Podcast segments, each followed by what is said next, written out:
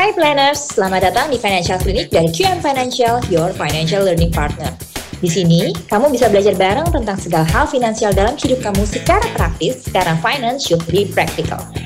Halo planners, di sini ada saya Muti Johari, financial trainer dari QM Financial. Berjumpa lagi untuk podcast Financial Clinic dari QM Financial. Kali ini uh, kita kedatangan Mbak Emiralda Noviarti, uh, salah satu QM trainer juga. Apa kabar Mbak Emi? Alhamdulillah kabar baik Muti. Mudah-mudahan sehat-sehat juga ya. Wow, baru pertama nih ya sekarang jadi uh, speaker, eh jadi speaker, iya jadi jadi tamunya nih ya. Uh, kita mau ngomongin apa sih? Biasanya kalau sama Mbak Emi nih kita ngebahas investasi, tapi kali ini kali ini agak beda karena kita akan membahas soal um, pinjaman online ya. Apakah ini bisa menjadi solusi atau ternyata menjadi masalah? Hmm. Uh, jadi gini, kalau gue sih sebenarnya belum ada pengalaman uh, jadi orang yang dikontak oleh debt collector ya dalam rangka eh temen lo minjem duit begini-gini tuh gue belum pernah kayak gitu ya. Tetapi uh, ada beberapa yang pernah cerita bahwa pernah dikontak oleh debt collector uh, karena salah satu temannya berutang dan kemudian tolong ingetin temannya uh, dia ngutang segini kalau misalnya nggak dibayar sampai besok akan menjadi segini gitu. Dan itu tuh ternyata uh, apa ya nyebarnya tuh sampai ke beberapa orang yang sekantor gitu tuh. Nah, kayak gitu tuh. Kalau misalnya Mbak Emi sendiri apakah pernah ngalamin uh, kejadian serupa atau gimana gitu yang berhubungan dengan pinjaman online ini ya dan teror-terornya?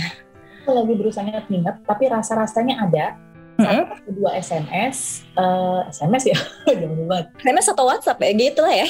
Nah, aku kayaknya aku dapetnya SMS sudah lumayan lama, uh, uh-huh. ya satu atau dua dan aku nggak peduliin karena oh, oke. Okay kenal-kenal amat juga sama orang itu. Nah itu kan yang kata oh, okay. ternyata kayaknya dia metodenya itu kan kayak uh, eh, SMS atau WhatsApp blast ya. Jadi dia sebenarnya hmm. semua kontak dan hmm. kirim aja gitu. Dan makanya jadinya kadang-kadang suka super random. Jadi kebetulan mungkin orang yang berutang itu ya punya nomor aku di di di di address booknya gitu ya. Uh -huh. For whatever reason ya mungkin uh, klien, mungkin temennya temen gitu. Tapi aku waktu itu sih nggak terlalu terganggu karena nggak banyak so aku juga nggak ngerasa kenal kayak oh ya udah biarin aja gitu ya. Jadi udah gitu aja. Tapi hmm, nggak hmm, nggak nanya juga sih sama orangnya gitu. Ya. ah yang bersangkutan tuh apakah eh eh lo ngutang atau gimana? gitu kan? Enggak ya? Biarin aja aku nggak nggak terlalu ngomongin juga. Tapi terus hmm. sih jadi kayak nggak kayak jadinya kategorinya belum teror karena baru satu kali. Oh belum ya? Jadi aku nggak merasa terteror. Mungkin kalau dia melakukannya seminggu sekali terus terusan lama-lama capek juga ya. Tapi kalau ini berhubung orang berbeda ya udah biarin aja Oh udah biasa kan ada SMS SMS entah dari mana. Di togel dan segala macam ya nggak beda ya. Oh. iya ya. Nah sebenarnya ya um, uh, konteks pinjaman online ini tuh asal mulanya tuh dari mana sih Mbak? Kalau misalnya kalau pakai kalau pakai apa namanya pinjol kan panjangannya pinjaman online ya. Jadi ya, itu berhubungan dengan online gitu. Mm -hmm jadi uh, kalau kita ngomongnya dari uh, financial uh, apa personal finance gitu ya topik kita gitu mungkin biasanya jadi kayak lima tahunan terakhir itu ada pilar produk-produk baru yang muncul, namanya financial technology. Contoh kita kan ya. produk-produk perbankan, produk-produk pembiayaan. Jadi ada bank, lembaga keuangan, asuransi. Tiba-tiba ada yang namanya fintech, financial technology. Mm -hmm. Ini macam-macam. Jadi uh, tidak hanya si pinjaman online karena semuanya tiba-tiba jadi digital ya, semuanya tiba-tiba jadi yeah punya e-money, e-wallet, uh, sekuritas, online trading, agregator, yeah, yeah. gitu. Pokoknya segala rupa yang bisa diakses dari online. Jadi pindah tuh layanan-layanan finansial pindah ke online, ranah online, termasuk si pinjaman online. Gitu. Jadi okay. ini sebenarnya berutang aja minjem duit gitu uh, lewat uh, online, lewat digital. Jadi nggak kayak harus minjem. Kita biasanya kalau dulu minjem sih ke bank gitu ya. Iya, yeah, iya, yeah, iya. Yeah nggak ada ke pegadaian atau minjem ke, ke individu lain. Gitu. Kalau ini minjemnya ya lewat online. Gitu. Nah sebenarnya ada satu kategori khusus, itu dia bilangnya itu fintech lending, financial technology yang urusannya pinjam meminjam. Lending nah, ya. Uh, kita tuh uh, familiarnya biasanya kita bilangnya peer-to-peer lending. Kalau peer-to-peer lending itu per definition tuh kayak ada sekumpulan orang, mm -hmm. ini ke sekumpulan orang. Jadi sekumpulan pemodal, peminjam, pinjaman, pemberi pinjaman ketemu yeah. sama peminjam lewat uh, platform online. Jadi sama dengan yeah. kalau misalnya apa kalau e-commerce kan pembeli sama penjual ketemu lewat online ya. Kalau ini ya. pemberi pinjaman dan orang yang bis agak apa agak masih blur lah ya bagi ini sama pinjol tuh persis sama bertumpukan apa apa gitu ya tapi uh, per definition karena kalau kata orang-orang itu pinjol itu konotasinya negatif ya Mut ya jadi mari kita fokuskan hanya pinjol ini urusannya adalah yang uh, minjem-minjem terus kayak nyusahin gitu ujungnya gitu aja kali ya kalau kita hmm. mau yang minjem-minjemnya itu untuk bantu modal usaha cash flow kegiatan produktif sejauh ini kan kayaknya nggak ada yang komplain penyusahin ya. Dan uh, kayak itu nggak pernah jadi berita atau jadi apa. Jadi mari yang itu kita pinggirkan. Hari ini kita terus ngomongin soal pinjol tadi solusi atau masalah. Ini berarti urusannya sama teror teror orang yang tiba-tiba utangnya sejuta jadi 20 juta kayak gitu. Uh, per, per ceritanya tuh kayak gitu. Pinjol itu ya itu tadi tiba-tiba orang jadi punya akses untuk meminjam via online dan gampang. Gitu kan ya? Kadang-kadang yeah. emang apa emang luar biasa ya Mut ya kita nggak ngapa-ngapain nggak download apa-apa terus dibujuk muncul sebagai uh, pop up uh, message gitu mau yeah. ber mau minjem uang pinjaman mudah dan cepat tanpa hmm. Anda butuh dana segar gitu nah, nah gitu, gitu lah ya gitu jadi jadi tentu uh, kan sekarang situasi juga sedang sulit ya untuk banyak yeah. orang nah kalau apa tuh kita bilang kalau pengetahuannya atau literasinya terbatas itu kan kayak tiba-tiba beneran nih ada yang mau ngirim duit? Gitu nggak nggak nggak nggak ada syaratnya. Nah terus lupa tuh di bawahnya ada bintangnya kan tulisannya syarat dan ketentuan berlaku. Nah yang gitu-gitunya nggak dibaca jadi kayak di download aja aplikasinya diisi datanya. Nah ini juga kan kesadaran akan data pribadi ke sensitif hmm. data pribadi itu juga banyak nggak tahu ya gitu. Merasa kayak ya udah gue kasih aja apa misalnya nomor KTP gitu ya nomor rekening alamat akses ke handphone nah itu yang paling mm-hmm. itu adalah sumber pertama kenapa tiba-tiba semua orang yang dia punya nomor kontaknya jadi bisa ikut dapat blast nah jadi kayak ya okay. jadi keterbatasan uh, pengetahuan sama kayaknya ini uh, kok tawarannya semacam terlalu menggoda ya untuk dilewatkan. Gitu. Gerbang angin segar gitu ya. Nah, uh-huh uh, kita mungkin uh, kita ya, atau mungkin beberapa teman-teman yang ada di kota besar itu adalah orang-orang yang punya akses cukup baik ke produk-produk uh, keuangan. Jadi kita ngerasa kayak ngapain sih bisa-bisanya kepikir minjem duit aplikasi misalnya gitu. Ya. Tapi kenyataannya kita ini mungkin adalah uh, berapa? satu persen atau 10 persen orang yang beruntung punya akses itu. Jadi kalau statistiknya itu kan sebetulnya misalnya apa? Kartu kredit gitu. Yang punya kartu kredit itu kan nggak sampai double digit persen dikit banget. Yang bisa punya kartu kredit gitu ya. Jadi kan itu kan pakai apply. Dia ngecek dulu history gajinya berapa pan, uh, boleh nggak nih punya kartu kredit gitu ya. Jadi hmm. sementara ada sangat banyak orang yang dia butuh uh, tapi yang nggak tahu mau minjem mana mungkin selama ini ini di, di apa diisi sama mungkin ada individu-individu gitu kan. Ada yang ya di pasar tuh ada yang mau minjemin gitu. Mungkin kayak kalau di kota-kota oh, ah, nah aku nggak mau nyebut-nyebut namanya. Tapi ya, ya, ya, ya. ya.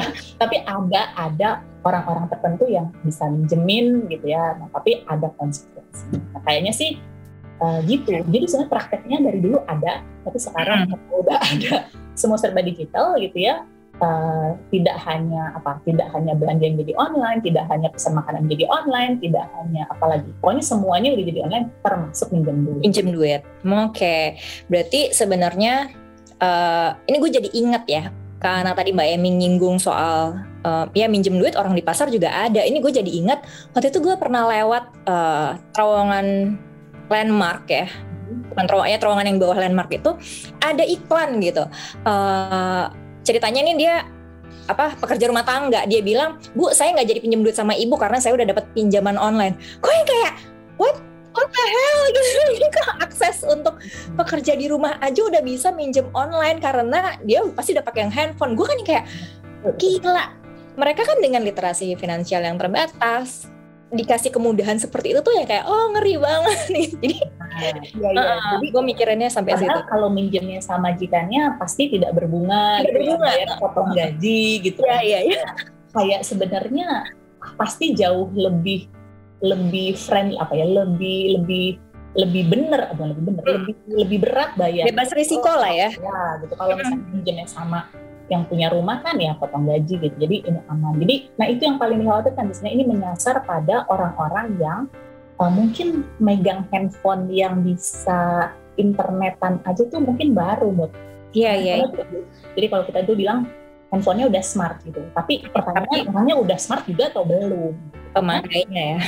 Ah iya ternyata yang namanya internet kan uh, regulasinya susah ya Nuk ya. Nah, itu yang juga jadi banyak problem kalau kita baca berita sampai ada yang gantung diri atau segala yeah. macam. Ya itu kan karena ternyata ini ada masalah dengan legalitasnya. Jadi ada hmm. pinjol ya, pinjol yang legal dan ilegal. Nah, ah, yang beda berat tetap ya karena ini kan minjem duit, pakai bunga dan seterusnya. Apalagi yang ilegal gitu hmm. aja gitu ya. Tentu lah namanya aja udah ilegal ngeri banget gitu dalam pinjam duit bayar bunga dan seterusnya gitu ya. Terus pakai ilegal nah ini ini ini kayaknya nah dan ini yang menyasar banyak orang yang mungkin di uh, kemampuan literasi yang terbatas yang kayak Muti bilang tadi itu. Seperti hmm. ada gitu orang-orang yang yang ya barulah pegang handphone yang bisa ngedownload dan tiba-tiba ah oh bisa ini ya bisa dapat duit ya gitu ah, ya, ya. gitu ya. gitu. Um, ya itu bisa menjadi uh, apa godaan juga ya untuk meminjam tapi sebenarnya uh, gue pengen tahu kenapa sih sebenarnya orang tuh jadi merasa butuh untuk minjem duit ini dan uh, maksudnya kan gini ya, kalau misalnya pun kita mau minjem duit kan sebenarnya konteksnya ada yang uh, bisa untuk hal yang uh, produktif, ada juga yang konsumtif gitu ya. Like kalau misalnya kita mau milih-milih apa sih, sorry kita mau beli rumah, hmm. duitnya nggak cukup ya udah mengajukan KPR dan utang itu kan ya utang yang let's say baik gitu ya. Tapi kalau misalnya memang uh, kan kita nggak tahu ya selama ini apakah utangnya konsumtif dan kemudian tergiur dengan kemudahan dari si pinjaman online ini gitu. Kalau misalnya pinjaman online yang legal mungkin masih dalam apa ya uh, koridornya gitu ya uh, tek, apa pembayarannya bunganya dan segala macam. Tapi kalau misalnya yang ilegal ini yang kemudian bisa membahayakan si peminjam gitu menurut gue, ya nggak sih? Jadi kayaknya kita belah jadi dua kali ya, Yang pertama mm-hmm. adalah soal legal versus ilegal. Jadi kayaknya mesti ada yang tahu bahwa kali banyak yang santai aja kali ya kayak ya udah sih udah kepala minjem juga gitu ya. Emang ngaruhnya kalau legal sama nggak legal hmm. itu itu satu poin yang kita kita bahas deh. Ah, kenapa banget sih mesti mastiin tempat kita minjem itu legal kalau memang sampai perlu minjem. Oke. Okay. Tapi nanti kita bahas lagi satu isu yang lebih mendasar. Kenapa banget sampai perlu minjem? Gitu ya saya kayak oh bukan aku gimana ya bilang. Kadang-kadang kalau butuh mah butuh aja ya tapi uh, sebelum jadi kayak kita ngomongin lebih generik soal uh, gimana caranya ketika mau berutang itu kita pikirin banget sih emang harus banget nggak sih ngutang gitu. Nah, kita ngomongnya itu ada tips utang apa uh, syarat utang baik kayak gitu gitu hmm. takutnya kan gini memang ada orang yang butuh terus ngelihat itu jadi oh iya bagusnya ini solusi dari masalah gue itu satu. Ada lagi bisa jadi sebenarnya orang itu sebenarnya gak butuh-butuh banget nih. Cuma begitu ngelihat ada tawaran, terus tiba-tiba mendadak muncul hal-hal yang dia butuh. Misalnya, oh berarti bisa ganti handphone dong kalau ada yang mau minjem oh, gitu okay. ya. Ya, ya, gitu amat. Cuma gara-gara atau gini atau suka sih telepon kan ada aja yang telepon nawarin nama tuh bener nih ibu nggak butuh itu kan dia bilang ya saya lagi nggak butuh uh, dia nawarin pinjaman saya nggak butuh kan ada-ada aja loh kadang-kadang kan bisa dipakai dulu bu buat renovasi rumah. Itu iya. ini orang dibilang gue gak butuh nah tapi jadi menciptakan kebutuhan karena kayaknya eh tiba-tiba ah ada nih yang nawarin gitu kan. Dan kita kan saya tadi belum baca yang detailnya apa. Jadi mungkin mm -hmm. itu legal legal. Satunya lagi nanti kita mundur ke benar-benar ke soal uh, utang tadi. Nah, sih gimana sih ya caranya gitu? Memastikan ini benar-benar berutang. Nah, nanti kita kita diskusi lagi mungkin punya pengalaman-pengalaman juga gitu ini pertama soal yang legal-ilegal itu ya, ya, ya.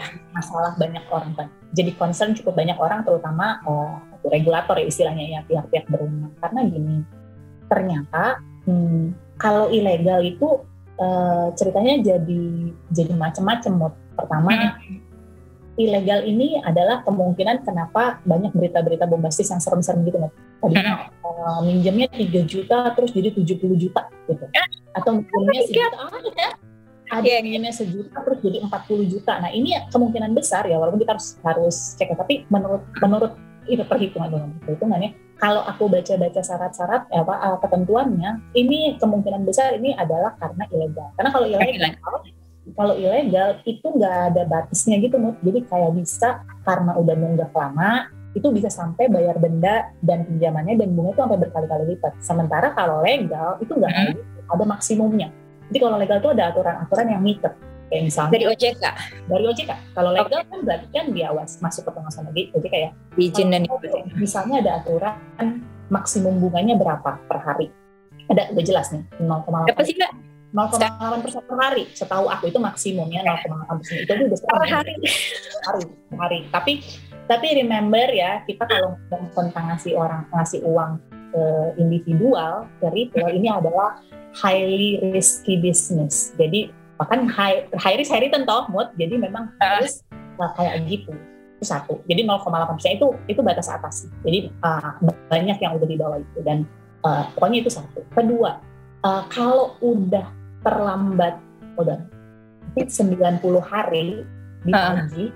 dan nggak bisa bayar itu bisa di waive bisa hilang. Jadi oh, nggak boleh tuh. Iya coba deh. Setahu tuh gitu. Jadi ada batas nagihnya tuh ada ada time frame nya kalau udah lewat itu ya hitungannya udah gak bayar selesai. Dan orang itu kemudian jadi kayak ditandain blacklist di datanya dan oh ditandain aja inget deh si si pinjol-pinjol ini tuh biasanya nggak banyak, nggak gede. Ini retail 1 sampai 3 juta gitu kalau di awal setahuku. Kalau udah repeat, udah berulang-ulang lama-lama kan kayak punya credit history kan. Nah, itu boleh minjem lebih banyak. Tapi ini, ini kita ngomong duit kecil gitu. Jadi kalau buat si uh, pinjol ini ya udah itu kayak test case. Kalau dia nggak lolos ya udah. Jadi harusnya ada batasnya. Nagihnya tuh sampai kapan untuk kemudian bisa dibilang gagal bayar dan udah selesai gitu. Terus yang ketiga harusnya bunga plus uh, pokok plus denda-dendanya itu nggak boleh lebih dari dua kali lipatnya, Mut. Mm-hmm. Kalau satu juta, maksimum mentok-mentok bayar segala gala-galanya itu maksimum dua juta.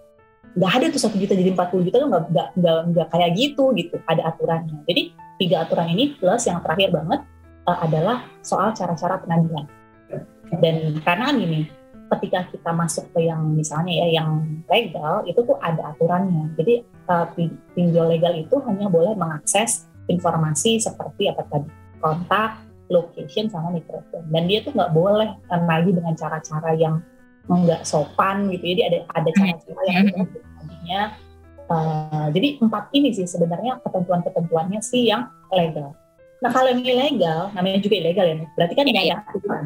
Serah aja gitu cara beroperasinya gimana. Dan ketika kita uh, approve, baru aku mau bilang, kita tanda tangan, tanda tangan ya di situ ketika kita klik itu yang apa tuh yang I have read this saya udah baca ketentuannya dan setuju yang tik gitu ya Abu Bar tuh hmm. kalau di situ ada tulisannya bahwa kita udah setuju setuju setuju tanpa baca maka mungkin secara tidak sadar kita sudah menyetujui bahwa semua akses di handphone kita dia dapat itu kan secara nggak sadar.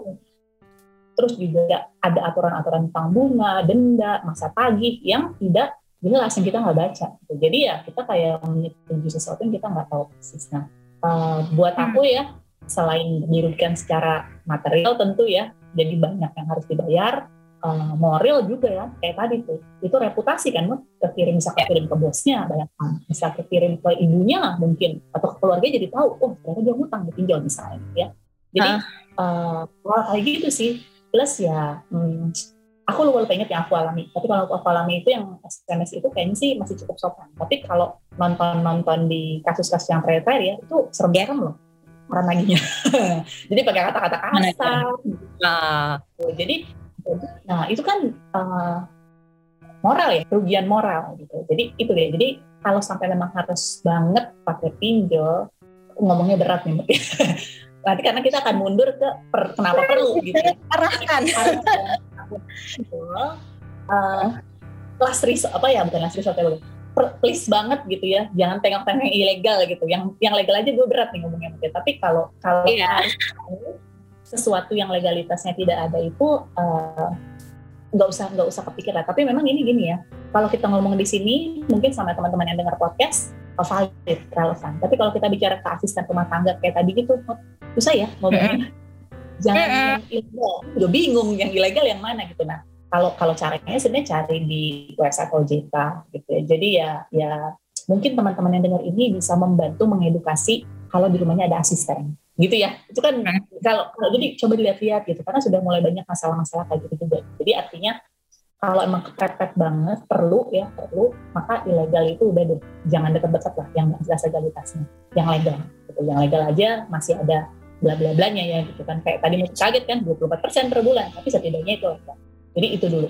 Jadi yang ilegal kecuali mau dimaki-maki, kecuali mau disebarkan ke semua orang, kecuali mau bayar bunga yang nggak jelas uh, angkanya berapa, bisa mentok lebih dari dua kali lipat, dan apa tadi satu lagi ada satu lagi uh, dan data-datanya diambil, mm-hmm. kita dekati hal-hal yang belum ada aturan gitu.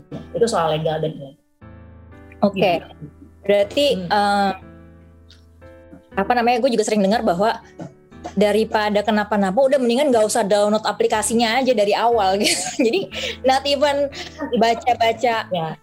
brosurnya pun kayaknya nggak usah gitu kan supaya nggak tergiur gitu lah supaya nggak. Kalau kita punya pilihan itu, of course itu lebih hmm. benar.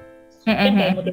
ya, eh, kayak yang kita ngomongin tadi, ternyata yang yang gagap teknologi ya. gitu ya Eh, jauh lebih gagap teknologi dalam hal nggak nggak terlalu ngerti atau gagap pengetahuan finansial. Jadi ya, uh, semua orang mikirnya begitu eh, nggak uh, ada tuh berita itu mau ya, betul. aman tuh. Mungkin nggak ada yang menjadi pinjol karena nggak ada yang mau minjem gitu. Tapi kenyataannya kan bisnis pinjol itu tumbuh subur kan. Dan uh, -huh. kalau dari kita sekitar seratusan mungkin yang legal yang nggak legal, yang ilegal itu udah kayak ini mah, udah kayak jamur gitu di musim hujan, ditutup satu kan ilegal, tutup satu tumbuh lagi seribu karena sebegitu susahnya meregulasi internet. Ya lo tau lah ya kan, internet itu kan, aduh, meregulasinya itu udah paling susah gitu. Bisa hari ini tutup, dia muncul lagi dengan, dengan nama baru kayak oh ya ya I see, I see. aplikasi seberapa susah sih kayaknya nggak susah bukan gue yang bikin ya tapi maksudnya kalau punya bikin aplikasi kayaknya nggak ada susahnya gitu. mungkin cuma ganti kulit aja mau cuma ganti oh, uh-huh. tapi ya sebenarnya aplikasinya itu tuh aja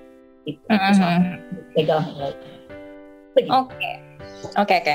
Berarti harus cermat memilih ya. Kalau kepepet banget butuh minjem duit karena tadi ya oke okay, tadi gue jadi mikir ya utang produktif utang konsumtif ini bukan cuma soal mau ngutang buat uh, eh, KPR rumah atau misalnya konsumtif tuh as is lifestyle aja. Tapi kan ada kondisi-kondisi ketika butuh uang untuk berobat. Nah yang kayak gini kan ya lu minjem siapa lagi? Gitu. Ya udah minjem misalnya minjem ke pinjaman online. Tapi ya udah uh, if anything please kalau misalnya bisa pilih yang legal gitu ya. Tapi gini um, apa sih sebenarnya harus diperhatikan sebelum kita uh, memutuskan untuk gue perlu minjem duit nih, eh gue perlu ngutang, butuh pendanaan gitu misalnya. Jadi kan kalau per definition ya, kita kalau ngomongin uh, perencanaan keuangan gitu, kita punya syarat utang baik. Utang baik itu itu ada tiga. Yang pertama, kalau berutang itu mesti ada lawannya. Jadi itu ngutangnya itu terhadap aset gitu supaya supaya jelas ya barangnya apa gitu yang dibeli. Utang uh, nyicil rumah, nyicil mobil gitu tuh itu sesuatu yang bisa diterima. Ada yang bilang kalau rumah kan naik terus mbak harganya, jadi boleh dong. Oke, mobil harganya nggak naik terus gitu kan, tapi masih boleh gitu karena ya mungkin terutama kalau ada kebutuhan ya, memang butuh banget. Yeah. Atau misalnya di luar aset ya, kalau menurutku sendiri masuk akal kalau kita membeli sesuatu yang uh, bisa membantu kondisi keuangan atau misalnya buat ya kondisi keuangan itu menjadi hemat. Misalnya gini, kalau gue gak beli motor naik mm-hmm. angkot gitu ya uh, muter-muter boros gitu atau misalnya kalau gue naik, yeah. naik gojek lebih mahal mendingan beli motor aja karena kalau sendiri lebih hemat kan gitu walaupun nyicil motor itu depresiasi apa nilainya turun tapi jadi uh. masuk karena kalau gue naik motor sendiri kerja lebih hemat dibandingkan naik uh, ojek online itu masih masuk akal tapi mm-hmm. gue mau beli kan uh, di pandemi banyak yang bikin bisnis ya mau mau beli mixer profesional buat baking karena gue terima, mau terima pesanan kue gitu kan itu kan nambah modal nyicil yeah. ya gitu ya udah nggak apa-apa. Nah itu ada hal-hal yang secara uh, ekonomi atau keuangan kita lebih baik. Jadi lebih menghemat pengeluaran atau dapat potensi penghasil. Itu masuk beli waktu ya ingin waktu kita juga. Dua adalah masa mencicilnya itu harus lebih pendek daripada masa menikmati jadi kalau kayak beli rumah mau ditinggalin 30 tahun, dicicil 10 tahun, 15 tahun itu make sense. Beli okay. mobil mau dipakai berapa dia? Umurnya 5 tahun, 6 tahun, 7 tahun gitu ya, nyicilnya 3 tahun. Itu make sense. Okay. Motor dicicil setahun 2 tahun dipakai mungkin bisa 5 tahun. Itu masuk akal. Tapi kalau lo pakai buat nyicil liburan di mana liburnya tiga hari gitu ya misalnya kalau seminggu deh liburannya seminggu nyicilnya enam bulan ketika cicilannya lunas lo udah lupa. Waktu itu gue itu dia bulan mana yang gue cicil itu ya? Gitu. Kan agak-agak make sense ya. Maksudnya kayak kenapa untuk sesuatu yang kayak gitu? Nih gue bahkan gak ngomong soal itu penting gak penting ya. Tapi artinya ini ini rule of thumb aja sih biar orang ada feelnya gitu. Karena kalau kita makainya lama kita jadi justify artinya sambil kita nyicil eh, sorry kita mencicil di masa kita memakai gitu. Hmm. setelah hmm. selesai masih panjang umur pakainya gitu. Jadi ya ya boleh deh gitu. Anggap aja karena kita mungkin secara cash flow berat kalau bayar sekaligus gitu. Yeah, yeah. handphone ya gue nggak setuju juga sih handphone nyicil-nyicil amat kalau nggak perlu-perlu banget. Kenapa gitu? Tapi kalau misalnya ya mbak perlu gitu. Tapi ini mau buat aku kerja gue nyicil 6 bulan. Tapi kan handphone bisa dikasih tiga tahun. Ya udah deh. Hmm. jadi kayak masih tahu nih mau nyicil apa. Konten creator oh, gitu kan nah, ya merah dan teman-temannya gitu ya tapi kalau misalnya nyicil liburan yang terjadinya tiga hari terus dicicil enam bulan kemudian hmm, hmm. merasa ada yang aneh gitu berarti lo emang belum belum bisa itu yang kedua nah yang terakhir ya tentu mampu mampu mencicil apa ma, uh, cicilan bulanannya itu nggak memberatkan. Nah, kalau di kelas cash flow lo itu kan maksimum 30% penghasilan bulanan gitu ya. Jadi, jadi jangan jangan engat gitu. Jadi mampu nyicilnya. Jadi uh, pantas untuk dibeli. Tapi uh, jangan juga terbalik ya. Mampu mencicil itu tidak selalu artinya mampu membeli. Kadang-kadang ada orang mikir gini, gue nggak bisa beli iPhone 13 karena harganya 25 juta misalnya. Mm Gue nggak mampu mbak, tapi kalau gue cicil 2 tahun, gue mampu karena cicil dua tahun itu jadinya cuma sejuta sebulan. Mm. Oh, woi itu mampu mencicil tidak berarti mampu membeli gitu ya jangan dibalik jangan dibalik-balik gitu. ya kesannya gue mampu tapi uh, yakin nih berarti kan lo ngambil satu ya dan berarti mungkin emang belum mampu jadi bedain mampu mencicil sama mampu membeli menurut gue itu juga itu sih itu beberapa eh, hal-hal uh, yang gue pikir penting untuk diketahui sebelum mikir nih gue butuh banget minjem, butuh banget nyicil, nggak sih? Butuh banget berutang, nggak sih? Gitu. Oke, okay. kalau misalnya ini gue pengen nanya kalau gitu ya. Tadi kan uh, masa pakainya, eh sorry, masa nyicilnya harus lebih pendek daripada masa makainya gitu ya. Tapi sekarang kalau misalnya konteksnya, uh, para orang tua yang harus nyokolahin anak dan uh, kepepet nih ya. Oh, oke, okay, okay, okay. Belum ikut kelas, belum ikut kelasnya QM, belum mengerti dana pendidikan. Gimana nih Mbak? Setahun dua tahun lagi anak gue masuk SD, masuk SMP, mau masuk kuliah. Gimana nih? Gue boleh minjem duit nggak nih? Gitu. Hmm, gimana nih susah? ya. belum relate ya, belum punya anak kita. Intinya sih gini nih, sebenarnya harusnya ya kalau proses hmm. proses merencanakan keuangannya udah proper, kita nggak ketemu nih sama kasus kayak gini gitu ya. Yeah sebelumnya sampai sana tuh kita kayak mesti beresin utang, nyiapin dana darurat, punya tujuan-tujuan dan seterusnya gitu. Uh-huh. Kalau gue uh, gini, buat anak gue sekolah, gue nggak punya uangnya, terus gue pinjam apa uh-huh. enggak gitu. Nah, ya. balik lagi ke gini pertanyaannya, uh, kalau nanti itu jadi cicilan gitu ya, seberapa akan berat ke ke, ke keuangan lo ke depan?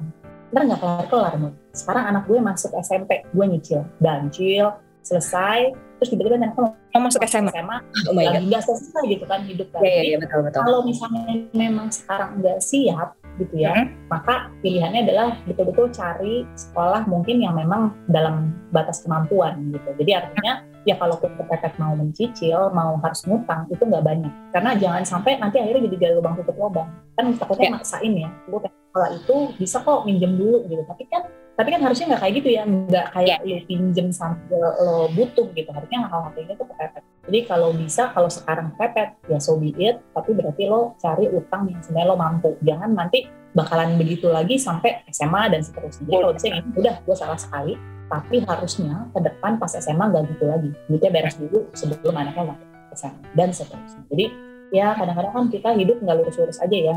Iya. Yeah. nah plan gitu. Atau memang tadi kalau lo tadi kasusnya belum tahu bisa juga kita udah ngeplan terus apes gitu kan yang bisa aja kan. Nah, ada ada masalah. Ya udah kalau salah perlu minjem perlu tapi uh, ya itu tuh kayak kayak kepepet ya. Jadi kepepet itu jangan di jangan dielau terlalu banyak karena nanti takutnya lo jadi jadi susahnya berkepanjang jadi benar ya udah biar minimumnya berapa uh, pinjam beresin sesegera mungkin habis itu start fresh start baru dan mulai ngerencana.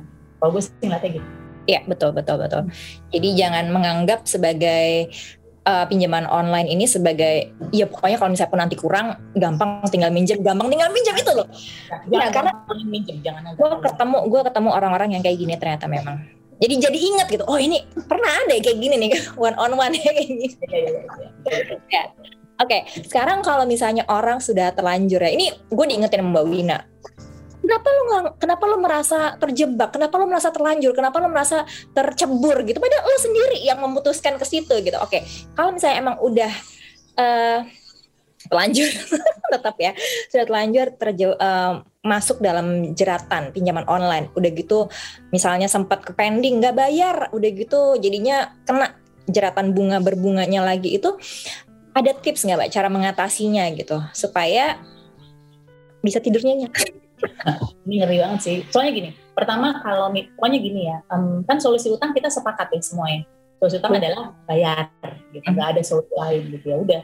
Nah kalau udah sedemikian kusut gitu ya kalau kalau ilegal harusnya kalau legal sekusut kusutnya mestinya nggak segitu kusutnya karena kan tadi ada mentoknya kah ada mentoknya 100% gitu nggak bisa lebih dari itu. Jadi harusnya kalau yang sampai dari satu juta jadi 40 juta tuh kemungkinan besar ilegal.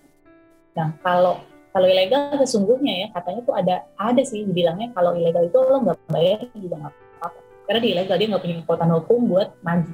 Cuma ya hidup lo nggak tenang aja kan itu jadi kalau kalau gue sih usahanya sebenarnya kalau berutang itu dibayar. Kita bawa setengah mati ya mungkin ya. berutang mm -hmm. tidak dibayar itu gitu. jadi sebisa-bisanya utang itu dibayar. Uh, di, di, dilihat deh. Coba dilihat utangnya berapa banyak terus kalau pakai bunga mana yang bunganya paling besar biasanya itu yang selesai dulu bisa saya duluan ya. Terus uh, bisa berhemat seberapa banyak uh, fokus ngelunasin utang. Bisa cari penghasilan tambahan fokus ngelunasin utang. THR sisa uh, fokus ngelunasin utang. Apalagi ada bonus fokus ngelunasin utang. Masih punya gelang emas fokus ngelunasin utang jual lunasin utang gitu ya. Kalau wow. semuanya nggak bisa. Gue ada kayak nggak ada tempatnya lagi nggak ada napasnya lagi. Maka kayaknya ya kayaknya solusinya itu negosiasi sih. Misalnya kayak ngomong aja gue udah nggak bisa bayar.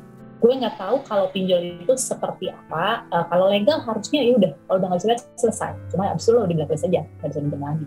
Kartu kredit uh. gitu kartu kredit lo bisa datang ke banknya bilang gue eh, nggak uh, bisa bayar. Terus ditanya lo bisa bayar berapa persen? Kayak gitu. Jadi bisa dinegosiasikan nah yang gue nggak tahu persis itu adalah kalau ilegal tuh gimana. Tapi kalau ilegal kayaknya nggak dibayar juga.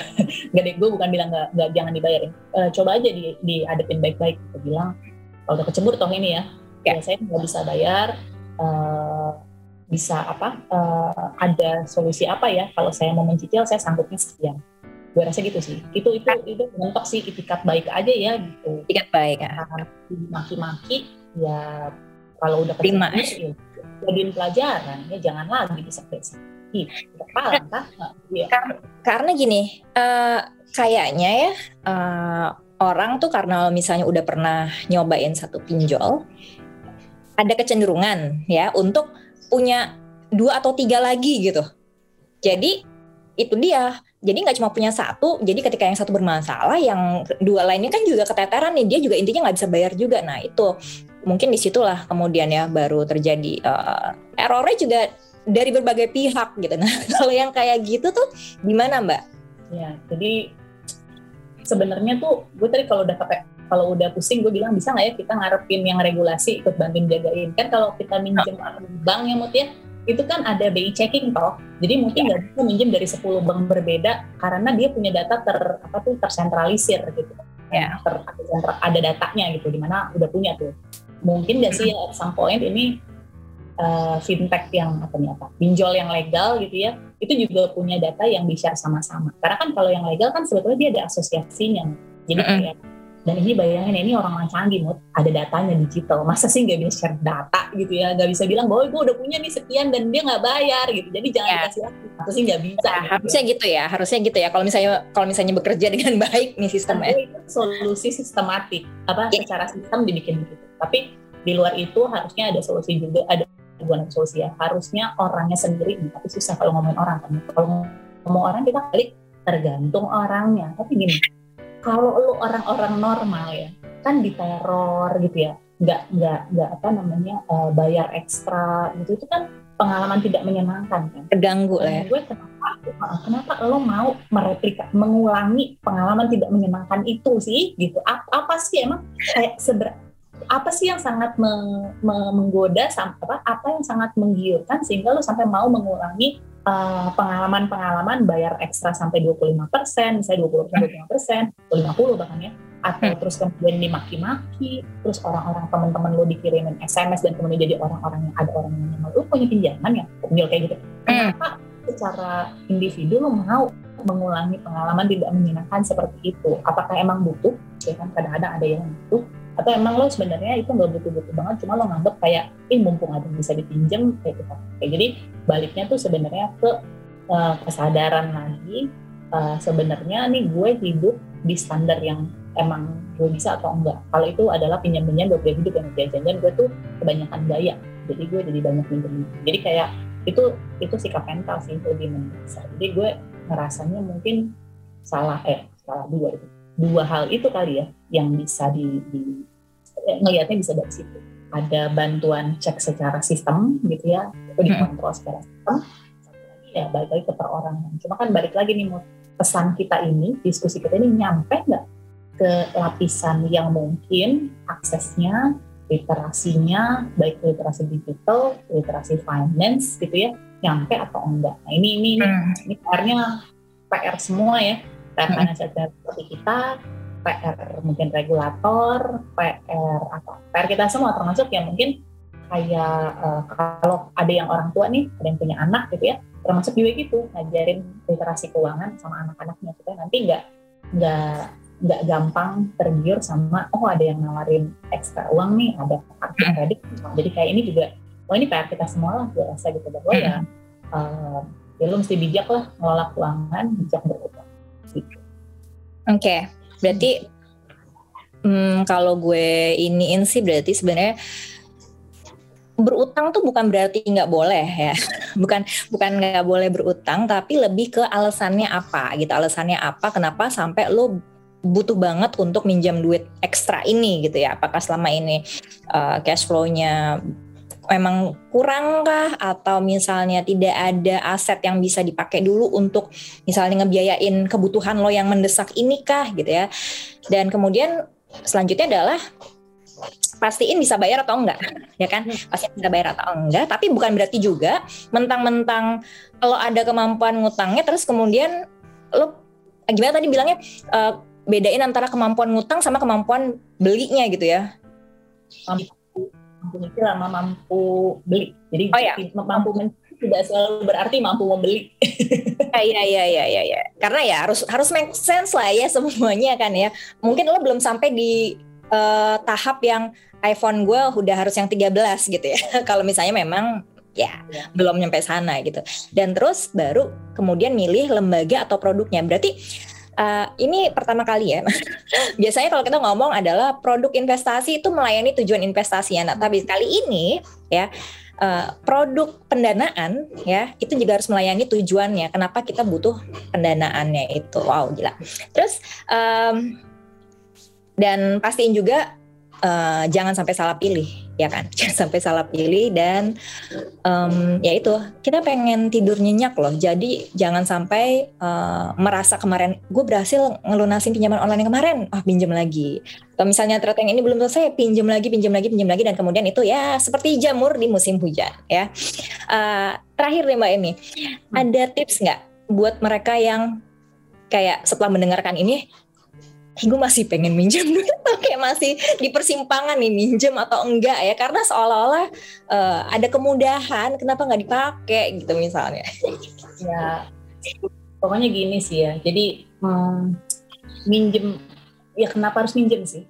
Kalau minjem ini adalah untuk sesuatu yang memang harus kayak tadi ya emang ada ada musibah gitu udah kepepet banget dan ada dua habis dan udah nggak ada jalan lain ya mungkin lo harus minjem tapi ya ya benar-benar seperlu. Jadi itu kayak kartu terakhir gitu loh mood jangan gampang dipakai gitu loh jangan gampang minjem gitu. Kalau emang keren banget udah nggak tahu mesti minjem siapa ya ya udahlah itu kayak mm. tapi kalau misalnya kita mikirnya mau minjem buat hal-hal yang sifatnya uh, kebutuhan sekunder tersier gitu bisa ditunda. Kalau nggak dibeli nggak mati gitu ya nggak apa-apa kok gitu bisa ditunda. Coba dibalik. Gimana kalau dinabung dulu gitu. Instead of misalnya beli dulu terus dicicil gitu ya misalnya, kali kalau nyicil pakai bunga gitu ya.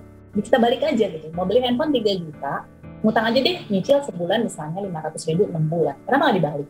Kenapa nggak kita sisihin 500 ribu tiap bulan yang rencananya buat nyicil, 6 bulan ke depan kan nyampe tuh nanti 3 juta di bulan ke-6 dan most likely di bulan harga handphonenya turun exactly gitu udah sampai itu jadi kayak kayak bisa nunda itu loh apa ya delayed gratification itu jadi jangan semuanya mau mau sekarang mau sekarang kalau untuk hal-hal yang sifatnya nggak nggak harus gitu ini nggak ini ini easier said than done ya gua gampangan gua ngomong dibandingin dikerjain tapi uh, menurut gue ini exercise yang penting sih maksudnya apa sih yang apa sih lo kehilangan apa sih kalau nunggu gitu Iya, iya. Kumpulin effortnya dulu. Gitu. Jadi situ sih kalau jadi gue rasa kalau udah kayak gitu mestinya mikir-mikir banget buat berutang apalagi kalau tidak termasuk syarat-syarat utang baik yang tadi ya Mut ya. Yeah. baik itu kalau udah uh, utang baik udah deh itu masih kita masih masuk akal. Jadi ada penjelasannya. Kalau utang yang nggak nggak masuk ke syarat utang baik uh, ya pikir-pikir lagi sih apa sih yang membuat gue sampai harus berutang gitu. Karena uh, gue takutnya nih nyandu sih jadi kayak bawaannya kayak kalau mau utang kayak gatel aja gitu kayak aduh katanya ada yang nawarin mbak. Sayang mbak apa gitu kok kok uh, kok jadi gitu ya uh, mm-hmm. orang lihatnya gitu. Dan baik lagi sih pengalaman pengalaman lo emang seberapa bukan nggak menyenangkan ya masih lo pengen utang ulang lagi gitu pengalaman tidak menyenangkan itu gitu. Kalau buat gue sih gitu. Jadi mm-hmm. uh, ya mudah-mudahan semuanya bisa lebih bijak atau keuangan lebih bijak berutang lebih banyak baca-baca mau kadang-kadang kita yeah. klik aja setuju gitu. Nggak tahu apa yang dibaca gitu ya. Eh nggak nggak dibaca main setuju aja gitu hati-hati banget. Menurut gue harus lebih hati-hati sama uh, produk-produk digital. Ya bukan nggak boleh loh ya tapi digital ini kan dia masif banget. Dan bentuknya bisa berubah-ubah terus. Ini kita ngomong sekarang. Nggak tahu tahun depan mungkin akan ada produk-produk lagi yang yang lebih ajaib-ajaib lagi. Di digital ini membutuhkan kemampuan membaca memahami lebih banyak. Hmm, iya itu. Itu sih soal itu satu lagi yang legal-legal tadi. Jadi yeah. tutup deh. Hal-hal yang tidak legal itu mau apa pun bentuknya, investasi, pembiayaan apa pun, uh, mendingan jauh-jauh deh orang yang legal aja kadang-kadang kita bisa kepada masalah gitu kan ya, uh, salah paham apa apalagi yang mm -hmm. gitu. Ya pokoknya kalau misalnya mau ngecek gitu ya legalitasnya silakan ke website OJK gitu ya dan pastiin riset dulu lah gitu. Tapi ya itu pastiin lagi di depan, lagi di depannya ya. Kenapa? Kenapa? Buat apa? Mau ngutang buat apa? Terus udah gitu. Kalaupun udah tahu alasannya bisa bayar atau enggak dan kemudian tadi teh produk melayani tujuan. Alright, terima kasih Mbak Emeralda atas uh, penjelasannya dan semoga di sini planners juga sudah uh, lebih tercerahkan soal uh, pinjaman online yang legal, yang ilegal, dan kemudian bedanya lagi sama segala jenis P2P lending dan segala macam gitu ya. Dan terima kasih sudah mendengarkan podcast Financial Clinic by QM Financial dan jangan lupa follow Instagram kami di QM Financial dan nantikan Financial Clinic podcast kami selanjutnya. Bye bye.